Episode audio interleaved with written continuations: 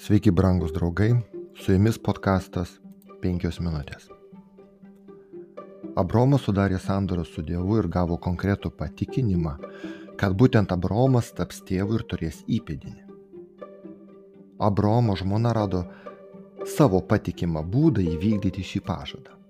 Ji pasiūlė Abromui savo tarnaitę Egiptietę Hagarą, kad jos vaikės, vaikas gimęs iš Abromo būtų vadinamas Saros vaiku paveldėtoju. Tai buvo savotiška antro tūkstantmečio prieš Kristų pakaitinė motinystė. Problemos Abromo šeimoje prasidėjo iškart po to, kai Hagara pastojo. Jėmė aukštintis prieš bevaikę teisėtą žmoną, dėl ko Sara pradėjo jengti, pradžio 16 skyrius. Kai gimė Izmaelis, aistros kuriam laikui aprimo. Tuo metu Abromui buvo 86 metai. Abromui sukanka 29 metai.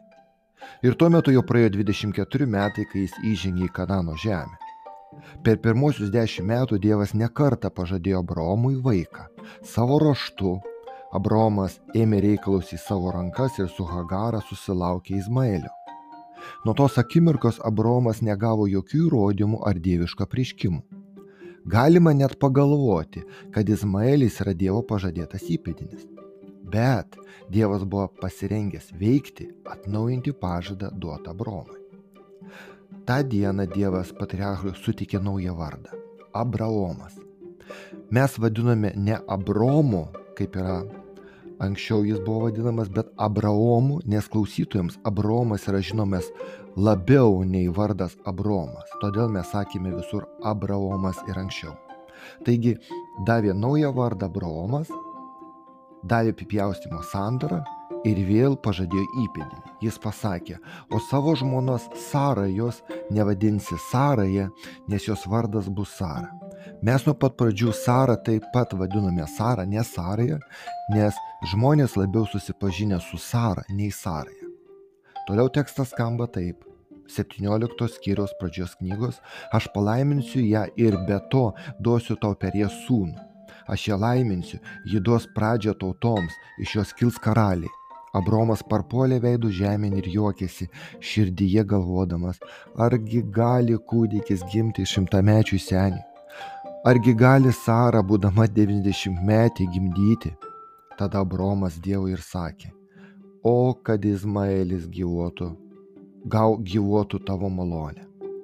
Galbūt, numatydamas galimą Abromo skepticizmą, Dievas prisistato vardu visagalis Dievas, pradžios 17.1, kuriam nieko nėra neįmanoma. Jis sako, vis dėlto Sara pagimdys tau sūnų ir tu pavadinsi jį Izaoku.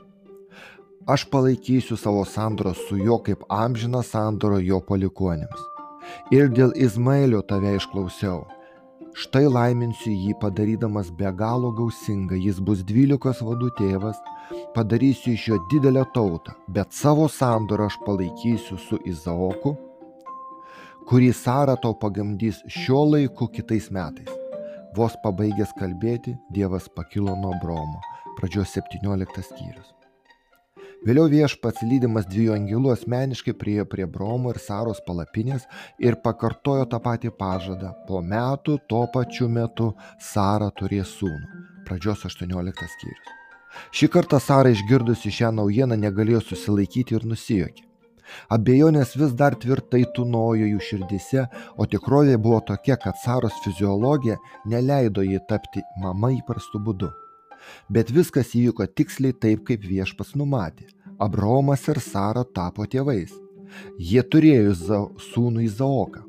Beje, šį vardą taip pat numatė Dievas ir vardas reiškia, jis juoksis. Po šio džiaugsmingo įvykio netrukus atėjo sukretimas. Abromas buvo priverstas išsiųsti ir Hagarą, ir vyresnį sūnų Izmaelį. Šių liūdnų išgyvenimų nebūtų buvę, jei ne Bromo ir Saros abejonės dėl Dievo galios ir jo pažadų. Kita vertus, tai buvo skaudi pamoka apie santoko šventumą. Dievas pakvietė Bromą būti visų tikinčiųjų tėvų, o jo gyvenimas turėjo būti tikėjimo pavyzdys ateinančioms kartoms. Tačiau jo tikėjimas nebuvo tobulas. Ir artimiausių metų Dievas per sunkiausią išbandymą padės Abromui įgyti besąlygišką tikėjimą. Tikėjimą, apie kurį kalbama ir šiandieną. Su jumis buvo podkastas 5 minutės.